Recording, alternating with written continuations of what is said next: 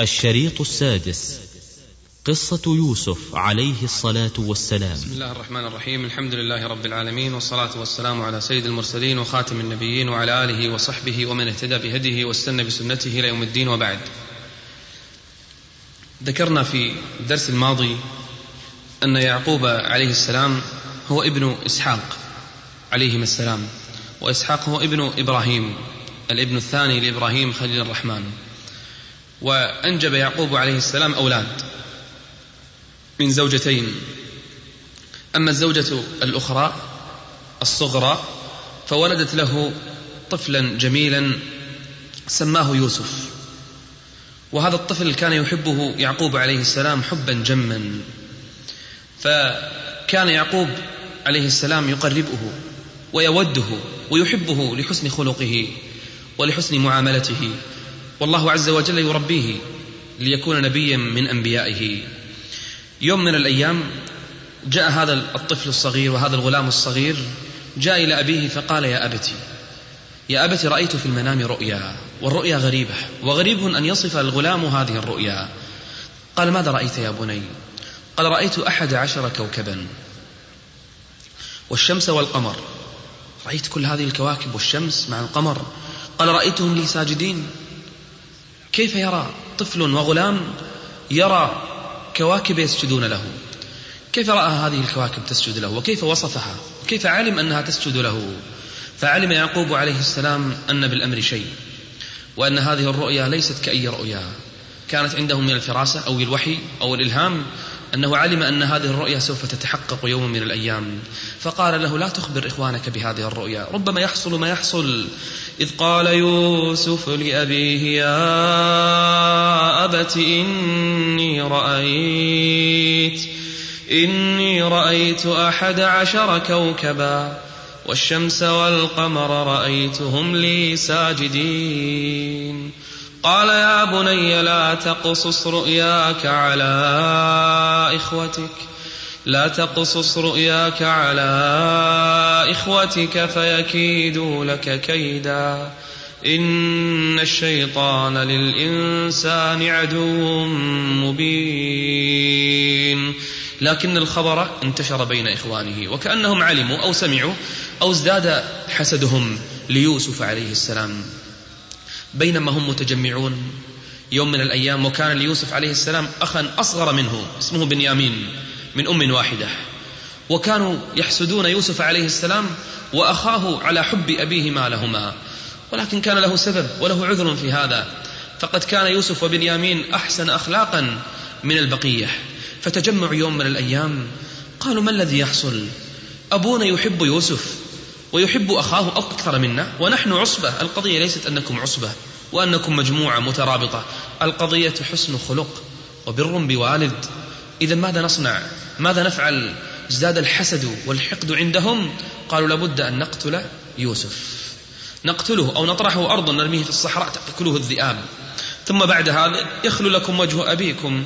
تبقون أنتم فقط مع أبيكم ولا يحب غيركم. قال قائل منهم قالوا هو الأكبر ربيل وقالوا غيره. المهم أن أحد الإخوة اعترض. قال لا لا تقتلوه. إن كنتم فاعلين إن كنتم فاعلين. ارموه في غيابة الجب في بئر من الآبار. تأتي قافلة وسيارة. فتحمله وتخلصه عنكم أما القتل فلا تفعلوه. إن كنتم ولا بد فاعلين فارموه في بئر وفي جب. لقد كان في يوسف وإخوته آيات للسائلين.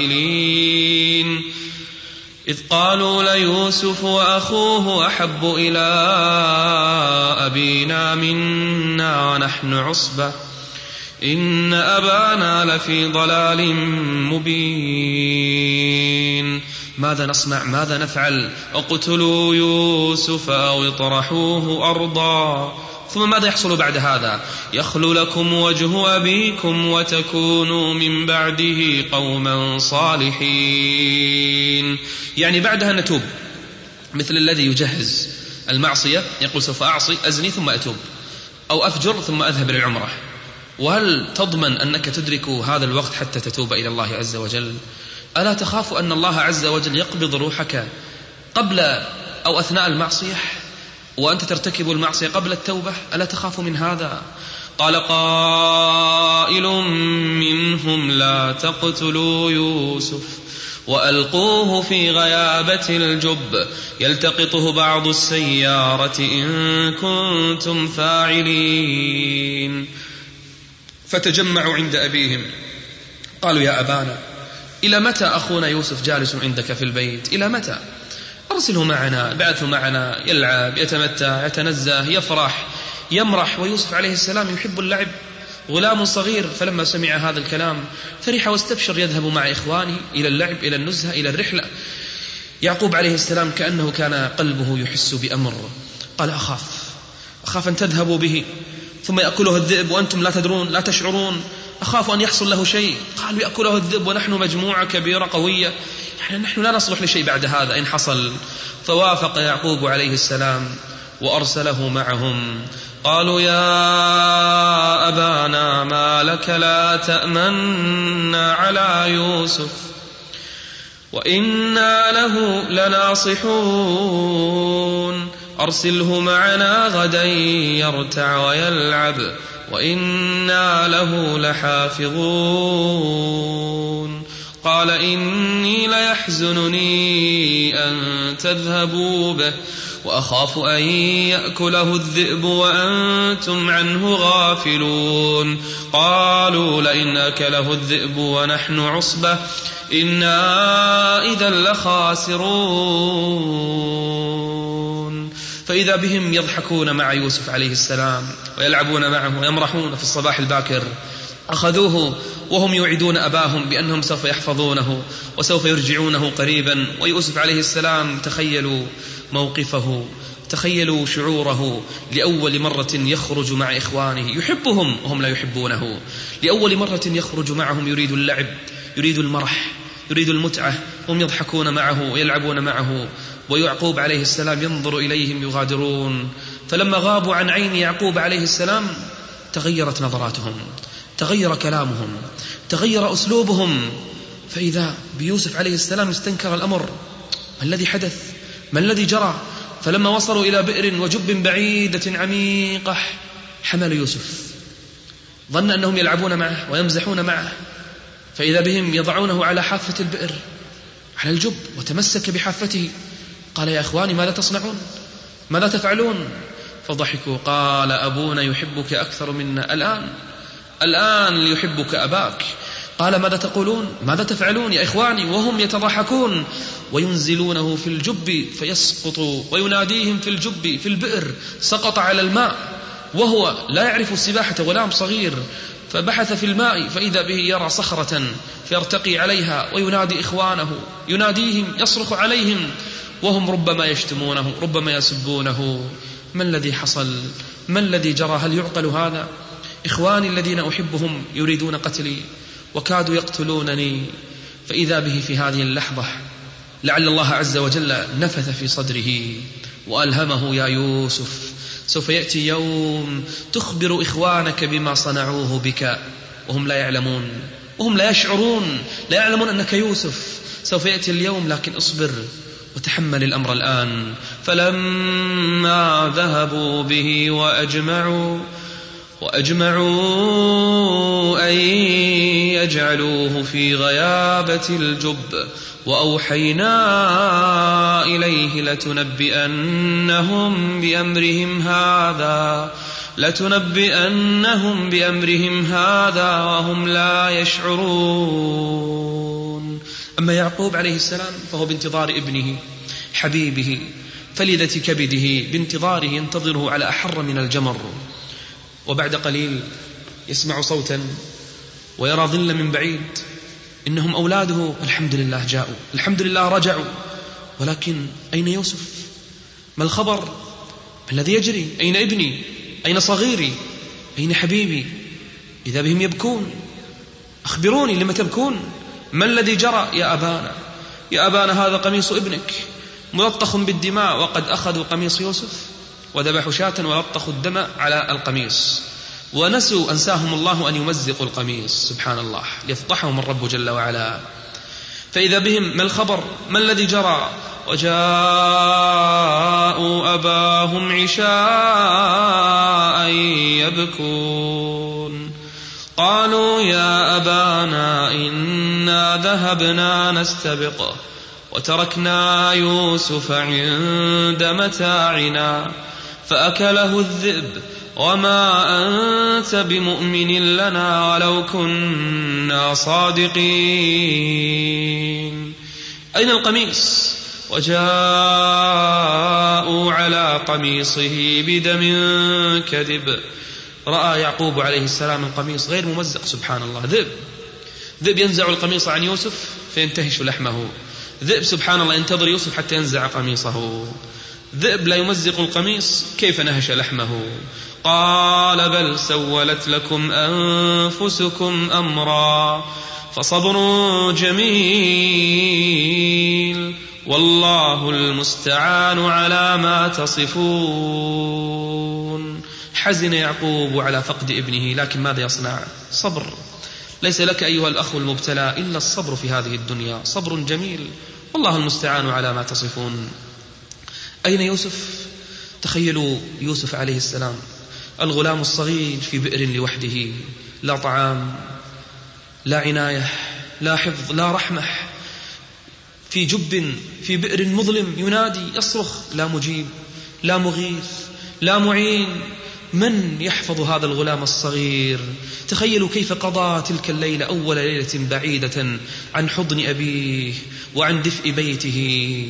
ثم جاءت سيارة قافلة مرت على هذا البئر ربما بعد يوم يومين ثلاث الله أعلم كم المدة التي ظل فيها يوسف عليه السلام في البئر. فجاءت قافلة وأرسلوا واردهم الذي يبحث عن الماء فإذا بينزل الدلو في الماء فإذا بيوسف عليه السلام يتعلق بالدلو. الدلو ثقيل يخرج الوارد الدلو من البئر فإذا به يرى غلاما جميلا حسنا. فإذا به يصرخ يا بشرى يا بشرى هذا غلام هذا غلام. فأسروه وأسروه بضاعة. والله عليم بما يعملون. فذهبوا به إلى مصر وباعوه بثمن بخس. قالوا دراهم دراهم عشر دراهم عشرين درهم. الله أعلم. ما كانوا يعلمون أنه نبي. لو علموا أنه نبي لما باعوه بهذا الثمن البخس. وشروه بثمن بخس دراهم معدودة. وكانوا فيه من الزاهدين. من الذي اشتراه من مصر؟ عزيز مصر. اشترى يوسف عليه السلام كما يسمى وزير وزير مالية. اشتراه فجعله في القصر كالخادم وكالابن. يقولون ما كان عنده ابناء. فجعل يوسف عليه السلام بمثابة الابن وهو أيضا يخدمهم في القصر. فكان هذا نوع من الفرج ليوسف عليه السلام أن يعيش في قصر من القصور ولكن مع هذا خادم. كالعبد يباع ويشترى ثم ظل في القصر سنين وسنين طويلة حتى بلغ أشده حتى استوى حتى بلغ الحلم. أعطاه الله عز وجل حكما وعلما وعقلا وفهما ودراية لأنه محسن. حتى تعلقت به هذه المرأة. تخيلوا شابا أعطاه الله عز وجل شطر الحسن وزع الله عز وجل الحسن نصفين. نصف وزعه على الخلائق كلها والنصف الآخر أعطاه ليوسف عليه السلام. الله أكبر. ما أجمل هذا النبي. ما هذه المرأة زوجة صاحب البيت العزيز أما هذه المرأة فإنها تعلقت بيوسف. وتخيلوا كم راودت يوسف عليه السلام بحركاتها بكلماتها بغمزاتها بإشاراتها ويوسف عليه السلام يخاف ربه جل وعلا يغض بصره يصد عنها يبتعد عنها حتى جاء يوم من الأيام الذي وصلت فيه الشهوة إلى قمتها وصارت المرأة كالسكرانة من, من قوة وشدة الشهوة فأرادت أن يفعل بها الفاحشة بقوة. فغلقت كل الأبواب وكان سيدها غير موجود زوجها غلقت الأبواب ونادت يوسف فتزينت له وتجملت له واختلت به وقالت له هيت لك افعل ما بدا لك. وراودته التي هو في بيتها عن نفسه وغلقت الأبواب وقالت هيت لك. ماذا يصنع يوسف عليه السلام؟ شاب أعزب غير متزوج لم يقض شهوته أبدا اختلى بامرأة جميلة ذات منصب يعني تبعد عنه أي شر وأي عقوبة. ثم بعد هذا هي التي تدعوه إلى الفاحشة.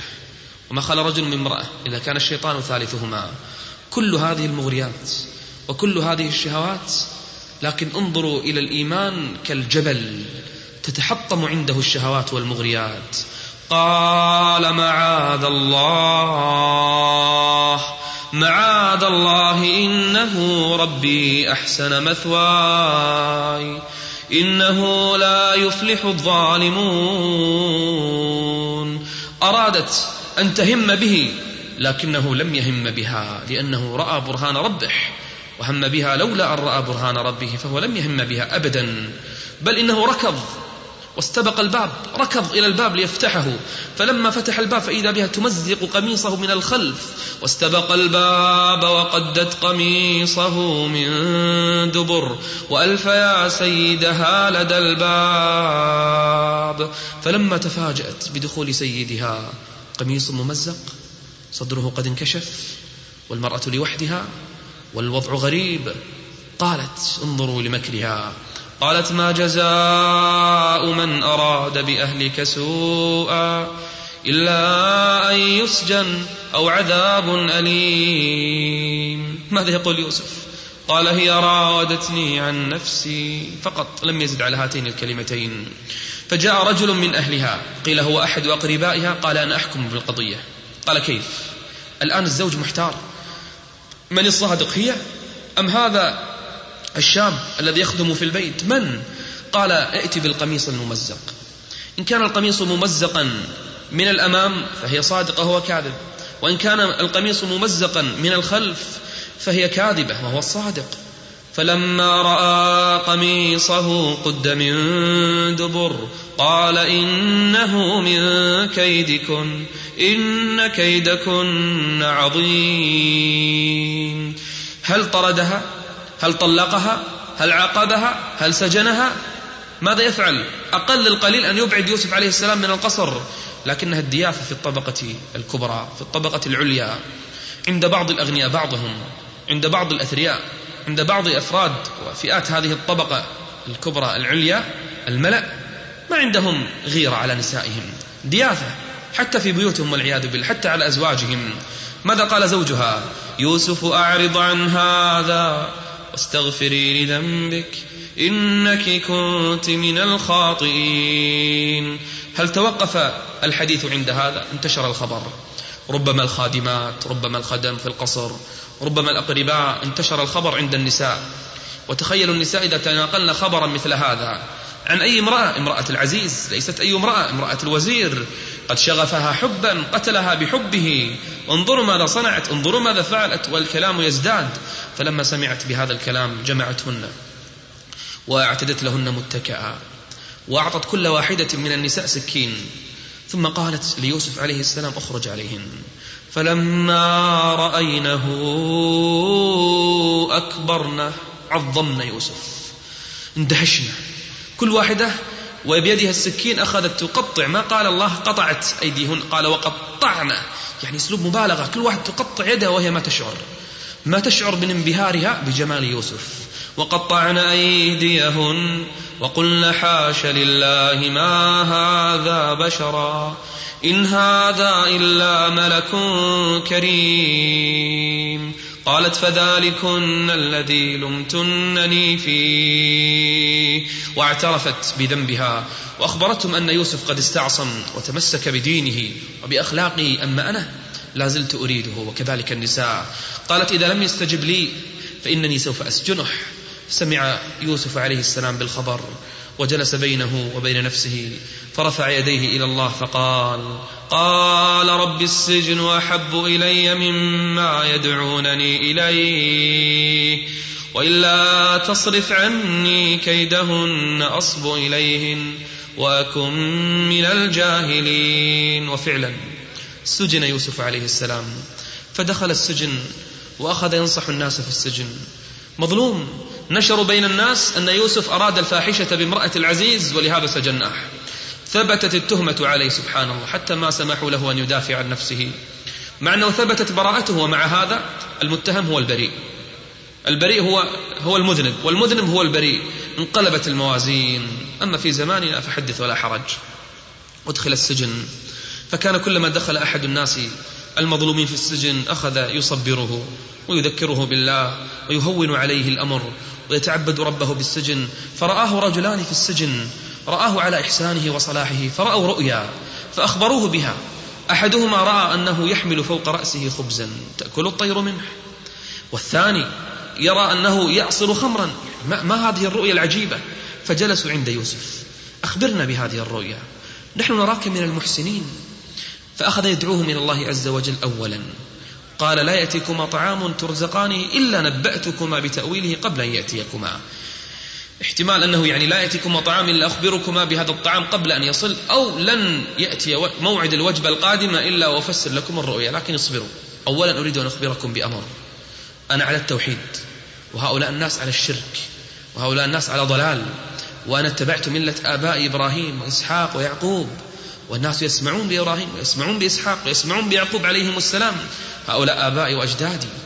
هؤلاء اتبعتهم. يا صاحبي السجن أأرباب متفرقون خير أم الله الواحد القهار؟ ثم لما علمهم دين الله عز وجل فسر لهم الرؤيا. أما أحدكما فيسقي ربه خمرا وأما الآخر فيصلب فتأكل الطير من رأسه. قضي الأمر الذي فيه تستفتيان. ما أخبر من الذي سوف يموت رحمة به؟ لطفا به. ومرت الأيام وقال لهذا الذي ظن أنه ناج قال اذكرني عند ربك يعني إذا جئت إلى سيدك فأخبره بأمري وأخبره بحالي. ربما يعيد القضية مرة أخرى. ربما يخرجني من السجن. يوسف أراد أن يخرج من السجن ليبلغ دين الله عز وجل يبلغ شرع الله عز وجل. الملك طبعا هذا الذي خرج نسي نسي يوسف عليه السلام من فرحه بالإفراج عنه. الملك في ذلك الزمان رأى رؤيا. رأى وجمع الناس حوله. قال يا قوم رأيت رؤيا من يفسرها؟ رأيت سبع بقرات سمان. يأكلهن سبع عجاف. أمر غريب تخيلوا بقرات يأكلن بقرات. وسبع سنبلات خضر وأخرى يابسات. من يفسر لي الرؤيا؟ قالوا أضغاث أحلام أحلام شياطين أحلام مختلطة. ثم قال وما نحن بتأويل الأحلام بعالمين؟ طيب إذا ما تعلمون ليش تقولون أحلام مختلطة؟ إذا كنتم ما تعلمون اسكتوا. وتكلم الرجل الذي يسقي السيد الخمر سمع بالرؤيا. قال أنا عندي رجل يفسر لك الرؤيا. أرسلني إليه. قال من؟ قال رجل في السجن اسمه يوسف. قال اذهب إليه. فذهب إليه الرجل. يوسف أيها الصديق أفتنا في سبع بقرات سمان يأكلهن سبع عجاف. وسبع سنبلات خضر وأخر يابسات. لعلي أرجع إلى الناس لعلهم يعلمون. فإذا بيوسف عليه السلام الرحيم بهذه الأمة الرحيم بأمته يفسر هذه الرؤيا. قال سبع سنوات تزرعون دأبا زراعة كثيرة. فإذا حصدتم الثمار لا تخرجوها من سنابلها القمح. ذروه في السنبلة وهذه معجزة إلهية. لأن القمح إذا ظل في السنبلة يبقى أكثر. قال إلا الذي تأكلون إلا قليلا مما تأكلون. لأنه سوف يأتيكم سبع سنوات شداد. يأكلن ويذهب كل الذي قدمتم لهن خزنتم لهن لهذه السنين إلا قليل. ثم بعد هذا يأتي عام يرجع الخير فيه مرة أخرى. الملك لما سمع بالخبر قال اعتوني بهذا الرجل الذي فسر هذه الرؤيا. هذا الرجل الآن يتكلم بأمور خطيرة بمستقبل البلد بالاقتصاد بشؤون الأمة. ائتوني به. لما جاءه الداعي قال لا ما أخرج.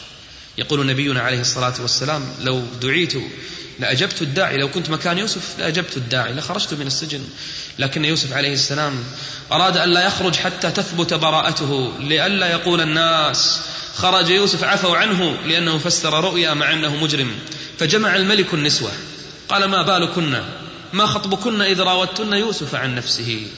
لما راوتن يوسف؟ كأن الملك يعلم أنه بريء. وهذا الملك أعلى سلطة من العزيز الذي ظلمه. الملك هو السلطة العليا والعزيز مثل الوزير. قال ما بالكن؟ ما خطبكن إذا راوتن يوسف عن نفسه بعد سنين؟ قيل ظل يوسف في السجن سبع سنين. قلنا حاشا لله ما علمنا عليه من سوء. الآن اعترفت امرأة العزيز.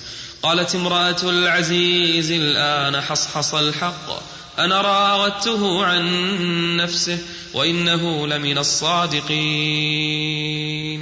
كأن امرأة العزيز الآن تغيرت بعد هذه السنين. قال الملك الآن أتوني به. ظهرت براءته فخرج يوسف عليه السلام. والناس يتناقلون براءته بعد طوال تلك السنين. كم في السجن من مظلوم؟ إي والله. متى تظهر براءته ربما بعد قتله وربما بعد موته بسنين ربما بعد خروجه من السجن. فلما جاء الملك به وكلمه رأى أنه ليس أي رجل عنده علم وعنده حكمة. قال إنك اليوم لدينا مكين أمين. قال يوسف عليه السلام اجعلني على خزائن الأرض إني حفيظ عليم. اجعلني الوزير مكان ذلك الذي ظلمني. سوف أحفظ هذه الأمة لأنني عليم بهذا الأمر. صاحب دين وتقوى وعلم فصار مكان العزيز وجاءت السنين سنين الخير. ويوسف عليه السلام لا يراعي أحدا. يخزن الطعام ويخزن الطعام في أماكن جعلها مثل الصومعة مثل امور القباب. يخزن فيها الطعام بمحاصيلها لا يخرجها من سنبلتها من السنابل. ثم جاءت السبع سنين الشداد. وانتشر الجوع والقحط في كل البلاد إلا مصر التي يحكمها الآن الملك وتحت الملك من؟ يوسف عليه السلام. وكان الملك والحكم بيده وكان يحكم بشريعة الله عز وجل. استغل الفرصة يوسف فلما صار العزيز حكم فيهم بشريعة الله عز وجل. وانتشر القحط والجوع في فلسطين. فأرسل يعقوب عليه السلام أبناءه ليذهبوا إلى هذا الرجل الذي يقال وانتشر عند الناس أنه يوزع الطعام بالمقابل يعطونه بضاعة ويعطيهم طعام. كل البلاد أصابها مجاعة وقحط إلا هذه البلاد. فجاء إخوة يوسف فدخلوا على يوسف وهم لا يعرفون أنه يوسف. وجاء إخوة يوسف فدخلوا عليه. فعرفهم فعرفهم وهم له منكرون. ولما جهزهم بجهازهم قال ائتوني بأخ لكم من أبيكم ألا ترون أني أوفي الكيل وأنا خير المنزلين. فإن لم تأتوني به فلا كيل لكم عندي ولا تقربون. لما سألهم أخبروه أن لنا أخ عند أبينا تركناه. لم يأتي معنا. قال السنة القادمة إذا جئتم ولم تأتوني بأخيكم لنعطيكم طعاما. لابد أن تأتوا بأخيكم. الذي ذكرتم أن لكم أخ لابد أن تأتوا به. أخوه الصغير بنيامين اشتاق لرؤيته يوسف عليه السلام. قالوا نحاول مع أبينا. وقال لفتيانه لخدمه اجعلوا بضاعتهم في رحالهم. أرجعوا البضاعة وأدخلوها داخل الطعام. لعلهم إذا يعني إذا رجعوا إلى أبيهم إذا رجعوا إلى بلادهم إذا عرفوا أن البضاعة أرجعت لعلهم يرجعون مرة أخرى. فلما رجعوا إلى يعقوب عليه السلام قالوا يا أبانا يا أبانا قال ما الخبر؟ قالوا منع منا الكيل. طيب ألم تقولوا يعني كيف أكرمكم هذا الملك هذا العزيز؟ كيف أحسن إليكم؟ لا ما ذكروا هذا كله. قالوا فقط منع منا الكيل. فأرسل معنا أخانا نكتل. أرسل معنا أخانا الصغير نكتل. يعني نأتي بالطعام وإنا له لحافظون. فتذكر يعقوب. تذكر يعقوب يوسف عليه السلام لم ينسه إلى هذه اللحظة. قال هل آمنكم عليه إلا كما أمنتكم على أخيه من قبل؟ فالله خير حافظا وهو أرحم الراحمين.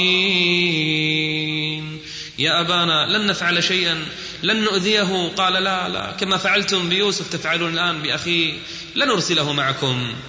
بدأوا يفتحون الأمتعة فوجدوا بين الطعام البضاعة ردت إليهم سبحان الله فجاءوا قالوا يا أبانا يا أبانا ما نبغي؟ هذه بضاعتنا ردت إلينا. انظر لنرجع. هذا هذا ملك وهذا حاكم كريم أمين عادل منصف أرجع إلينا البضاعة مع الطعام. لنرجع إليه مرة أخرى. نمير أهلنا ونحفظ أخانا ونزداد كيل بعير الميرة. الطعام نمير نأتي لأهلنا بالطعام ونزداد كيل بعير لأن يوسف ما كان يعطي إلا لكل بعير صاع يعني كيل فقط. لكل واحد على بعير يعطيه كيل أكثر ما يعطي حتى لا يعني ينفذ الطعام. قالوا نزداد كيل بعير يعني إذا ذهب أخونا معنا يزداد الكيل كيلا. ذلك كيل يسير هذا الذي عندنا شيء قليل. فإذا بهم يراودون من يعقوب عليه السلام يحاولون به مرة بعد أخرى. قال إذا أردتم أن أرسله معكم بشرط قالوا ما هو الشرط؟ قال تؤتوني موثقا من الله. عهد بيني وبينكم. تقسمون. لتأتنني به إلا أن يحاط بكم. كأنه رأف لحالهم. قال إلا إذا عجزتم. خلاص. يعني صار شيء ما تملكون القدرة. لكن تقسمون أن تأتونني به. فأتوه الموثق والعهد وأقسموا. ثم قال الله على ما نقول وكيل. ثم نصحهم قبل الرحيل. يا بني لا تدخلوا من باب واحد. وادخلوا من أبواب متفرقة. الله أعلم. لما قال لهم هذا؟ هل هو لأجل العين خوف من اللصوص؟ لأمر غير هذا؟ الله أعلم العلم عند الله. ثم قال لهم وما أغني عنكم من الله من شيء إن الحكم إلا لله. عليه توكلت وعليه فليتوكل المتوكلون. ذهبوا فدخلوا على يوسف عليه السلام. الآن الإخوة كلهم قد تجمعوا. نظر إليهم يوسف عليه السلام. نظر إلى أخيه الصغير بعد سنوات طويلة. تخيلوا كم سنة من كان غلام إلى أن بلغ أشده في قصر العزيز. ثم كم سنة دخل السجن؟ سبع سنين تسع سنين. ثم سنوات الخير سبع سنين. ثم بدأت سنوات العجاف. يعني تخيلوا كم سنة ابتعد عن أخيه. الآن هم لا يعرفون أن هذا يوسف لأنه كان صغيرا فكبر تغير منظره. أما هو يعلم لأنهم كانوا كبارا وشكل الكبير لا يتغير كثيرا. فعلم أن هذا أخوه. ولما دخلوا على يوسف نادى أخاه الصغير وأدخله بينه وبينه لا يراه أحد.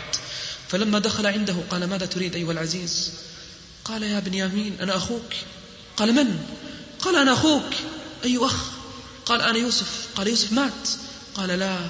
بل أنا يوسف. قال إني أخوك فلا تبتئس فلا تبتئس بما كانوا يعملون. تخيلوا منظر العناد والسؤال والمصافحة كم المدة التي جلس معه؟ يحدثه ويسأله عن أخباره عن أبيه عن أهله عن أمه. فلما جهزهم بجهازهم جعل السقاية في رحل أخيه. يعني سقاية الملك جعلها في رحل من؟ بنيامين الصغير. ثم أذن مؤذن. لما غادرت القافلة ناداهم المؤذن أيتها العير أيتها القافلة إنكم سارقون. فأقبلوا. نحن نسرق؟ معاذ الله أن نسرق. قال ماذا تفقدون؟ قالوا نفقد صواع الملك. ولمن جاء به حمل بعير وأنا به زعيم. يعني يقول لهم المنادي الذي يأتي بالصواع يعني له حمل بعير زائد من الطعام. وأنا أضمن لكم هذا. قالوا تالله يقسمون لأنهم متأكدون ما جاءوا للسرقة. لقد علمتم ما جئنا لنفسد في الأرض وما كنا سارقين أبدا.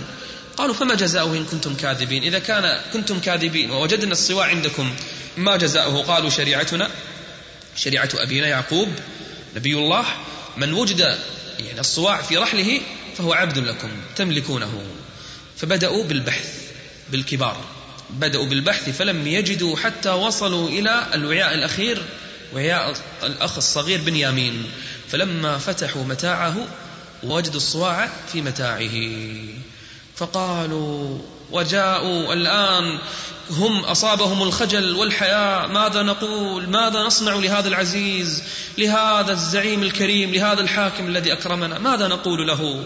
فلما جاءوا إلى يوسف تعرفون ماذا قالوا؟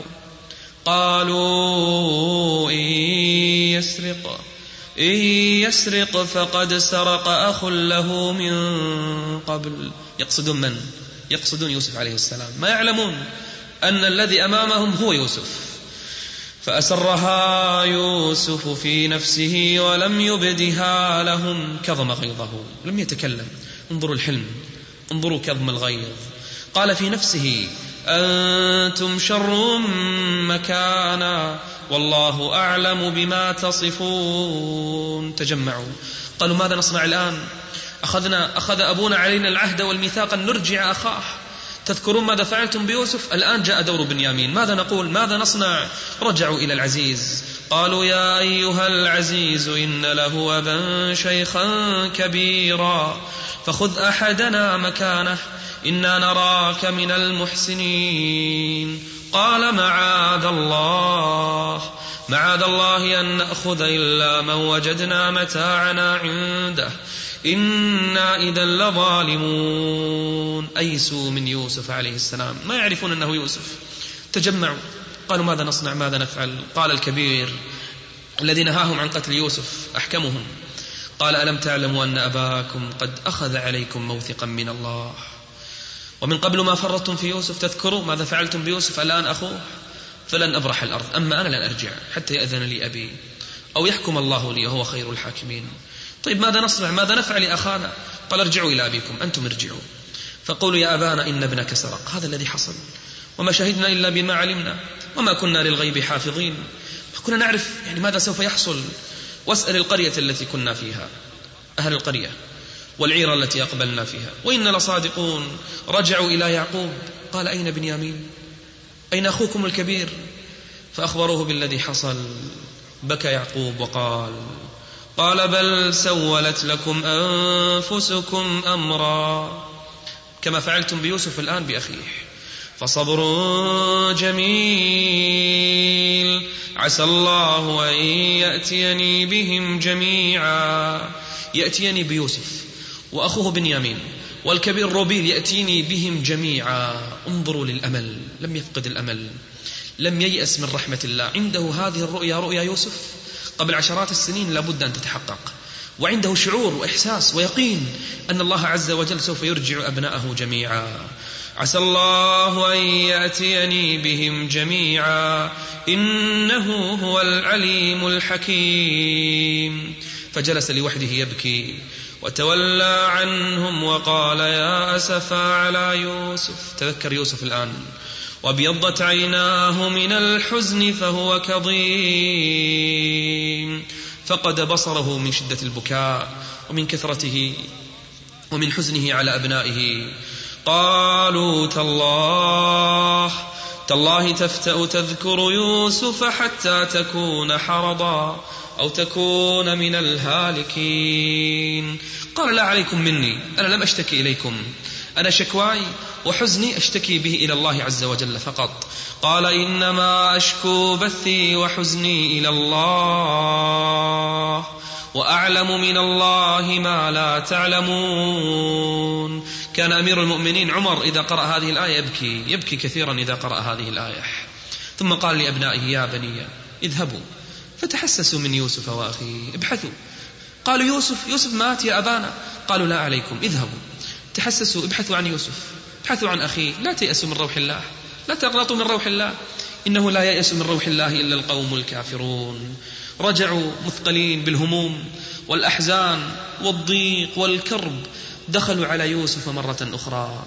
وتخيلوا يوسف كم هو فرح بلقاء أخيه. كيف أكرم أخاه الصغير في قصره. فإذا بهم يدخلون عليه مرة أخرى رأى عليهم الذل والمسكنة والفقر والعوز فلما دخلوا عليه قالوا يا أيها العزيز الآن صار عزيز. ألا تذكرون ماذا صنعتم معه؟ مسنا وأهلنا الضر. وجئنا ببضاعة مزجاة. حتى البضاعة التي جئنا بها يعني حقيرا ما فيها شيء ما تسوى شيء. فأوف لنا الكيل وتصدق علينا. إن الله يجزي المتصدقين. لما رأى ذلهم وفقرهم ومسكنتهم لم يتحمل يوسف عليه السلام هذا الموقف. لم يستطع الصبر فقال لهم قال هل علمتم ما فعلتم بيوسف وأخيه إذ أنتم جاهلون؟ ذكرهم بيوسف. قالوا أئنك لأنت يوسف؟ هل أنت يوسف أيها العزيز؟ قال أنا يوسف وهذا أخي. قد من الله علينا. إنه من يتق ويصبر فإن الله لا يضيع أجر المحسنين. تقوى وصبر ثم العاقبة للمتقين. اصبر يا عبد الله. لا تستعجل النصر ولا تستعجل الفرج. فإذا بهم يبكون ويقولون تالله لقد آثرك الله علينا اعترفوا بذنبهم. وإن كنا لخاطئين. لكن يوسف كان حليما بهم رؤوفا بهم. قال لا تثريب عليكم اليوم لا تعنيف عليكم. ولا ذكر لكم بالسوء يغفر الله لكم وهو أرحم الراحمين. فلما تجمعوا وفرحوا بلقاء أخيهم قال ما أخبار أبي؟ قالوا ذهبت عيناه عمي بصره. قال اذهبوا بقميصي. قميص أول السورة أول القصة. قميص في منتصف القصة في, في قصر العزيز. قميص آخر القصة ما شأن القميص في هذه القصة؟ قال اذهبوا بقميصي هذا. فألقوه على وجه أبي. يأتي بصيرة معجزة وأتوني بأهلكم أجمعين. الآن ما وصلت القافلة؟ هم مسرعين رجعوا إلى يعقوب ويعقوب عليه السلام جالس عند أهله. يقول لهم سوف يرجع يوسف سوف يرجع يوسف. قال وإذا به يشم رائحة ريح. فقال لأولاده ولأهله قال إني لأجد ريح يوسف. أشم رائحة ابني الله أكبر. الأب يشم رائحة ابنه. قال لولا أن تفندون لولا أن تقولوا أنني مجنون أنني خرفت وهرمت. لقلت لكم أني أشم رائحة يوسف. قالوا تالله إنك لفي ضلالك القديم. فإذا بالبشير سبق القافلة وركض وبيده القميص ودخل على يعقوب عليه السلام رجل نبي كبير بالسن أعمى جالس عند أهله. فلما دخل رمى القميص على وجهه. فإذا بيعقوب يبصر مرة أخرى وبشر بيوسف. فلما أن جاء البشير. ألقاه على وجهه فارتد بصيرا. فرح أولاده فرح يعقوب. قال ألم أقل لكم إني أعلم من الله ما لا تعلمون. الآن طلبوا أن يستغفر لهم أبوهم. قالوا يا أبانا استغفر لنا ذنوبنا. إنا كنا خاطئين. يوسف لما طلبوا منه هذا استغفر لهم. أما أبوهم لم يستغفر لهم مباشرة. سنوات حرم من ابنه. سنوات ليست بالسهلة. سنوات ألم وحسرة وضيق وحزن وهو يتذكر ابنه. قال سوف أستغفر لكم ربي. قيل أنه لم يستغفر لأنه لا زال يعني حزينا على ابنه. وقيل قال سوف أنتظر السحر آخر الليل لما ينزل الرب وأستغفر لكم الله عز وجل. وإذا بهم يتجمعون كل الأهل يعقوب عليه السلام زوجته أولاده أهله أحفاده. قالوا وصلوا إلى أكثر من ثمانين شخص. مشوا بقافلة وذهبوا إلى مصر مرة أخرى. وتخيلوا كيف أكرمهم يوسف عليه السلام واستقبلهم. يستقبل من؟ يستقبل أباه بعد عشرات السنين. يستقبل أمه بعد عشرات السنين. يستقبل أهله أقرباءه أرحامه. هو الآن العزيز هو الآن الحاكم هو الآن له الكلمة الأولى في مصر. تخيلوا كيف يدخل يعقوب عليه السلام.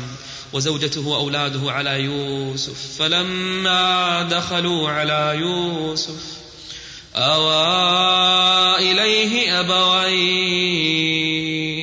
أولا استقبل والديه إليه ورفعهما وقال ادخلوا مصر إن شاء الله آمنين. ورفع أبويه على العرش. وإذا إخوانه جميعا عنده يخرون له سجدا. سجود تكريم وتشريف. وخروا له سجدا. كان مشروعا في عهدهم. في زمنهم. وقال يا أبت هذا تأويل رؤياي. تذكر يا أبتي لما كنت غلاما وجئتك وأخبرتك بالرؤيا ويعقوب لم ينسى يعقوب كان عنده يقين أن الرؤيا سوف تتحقق. تذكر يا أبي هذا الآن وقوع هذه الرؤيا. إني رأيت أحد عشر كوكبا. كان غلاما صغيرا. أما الآن بعد عشرات السنين رجلا قويا يحكم مصر. وقال يا أبت هذا تأويل رؤياي من قبل. قد جعلها ربي حقا. وقد أحسن بي إذ أخرجني من السجن. وجاء بكم من البدو. نسب الأمر إلى الله. لم تأتوا إلي عالة. فقراء تريدون الطعام؟ قال لا الله هو الذي جاء بكم. وقال إن الله عز وجل هو الذي أخرجني من السجن. لم يخبرهم بالسبب. ولم يعنف على إخوانه. لم يقل أنتم السبب في هذا الذي حصل كله. أنتم الذين أبعدتموني عن أبي. لم يذكرهم بالجب وما حصل. لم يذكرهم بحقدهم وحسدهم. بل نسب الشر كله إلى من؟ إلى الشيطان. من بعد أن نزغ الشيطان بيني وبين إخوتي. أي عفو أفضل من هذا؟ إن ربي لطيف لما يشاء. إنه هو العليم الحكيم. ثم لما رأى يوسف عليه السلام نعمة الله عز وجل عليه من بلاء إلى آخر من بلاء إلى آخر من محنة إلى أخرى والله عز وجل يقص هذه القصة على محمد عليه الصلاة والسلام ليتحمل البلاء والمصائب. كأنك يا محمد سوف تخرج من مكة إلى بلد أخرى كما أخرج يوسف عليه السلام لا تعجز ولا تيأس يا محمد فإن يوسف عليه السلام مر بشتى أنواع المحن والبلاء لكن يذكر دائما ويقول إنه من يتقي ويصبر فإن الله لا يضيع أجر المحسنين.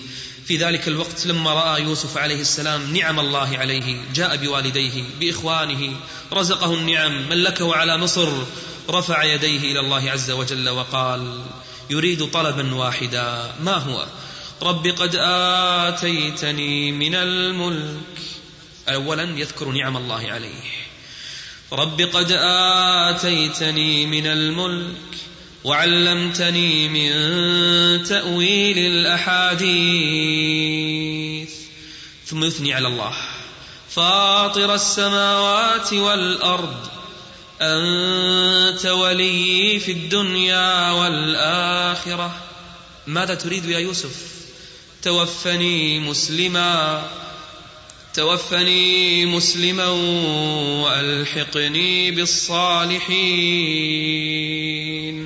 هذا طلبي الوحيد يا رب أن تتوفاني على الإسلام وعلى الدين قصة ما أجملها. لعلنا سردنا القصة سردا ولكن فيها عبر كثيرة لمن أراد أن يعتبر. انظروا كيف صبر يوسف عليه السلام كيف امتنع عن الشهوة. وسبعة يظلهم الله في ظله يوم لا ظل إلا ظله. منهم رجل دعته امرأة ذات منصب وجمال فقال إني أخاف الله. صبر عن شهواته صبر على البلاء صبر على طاعة الله عز وجل. وفي النهاية مكنه الرب جل وعلا فكان طلبه من الله أن يتوفاه على الدين ويتوفاه على الإسلام. قصة ما أروعها وما أجملها حري بنا أن نقصها على أبنائنا على أحبابنا على الناس جميعا ليعتبروا منها حقا كما قال الله عنها أحسن القصص حتى نلقاكم بإذن الله عز وجل في درس مقبل وحلقة مقبلة من قصص الأنبياء أقول هذا القول وأستغفر الله لي ولكم وصل الله وسلم على نبينا محمد وعلى آله وصحبه أجمعين. وتقبلوا تحيات إخوانكم بمؤسسة اليقين المؤسسة الإسلامية للإنتاج الإعلامي والتوزيع. هاتف رقم ستة صفر خمسة ستة ستة ستة تسعة فاكس ستة صفر خمسة واحد واحد واحد صفر.